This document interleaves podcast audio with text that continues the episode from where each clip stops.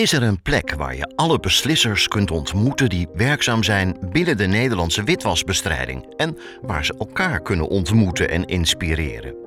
Een bijeenkomst waar de financiële sector samen met andere ketenpartners met elkaar spreekt over het succes, de effectiviteit van de aanpak en het vertrouwen in elkaar.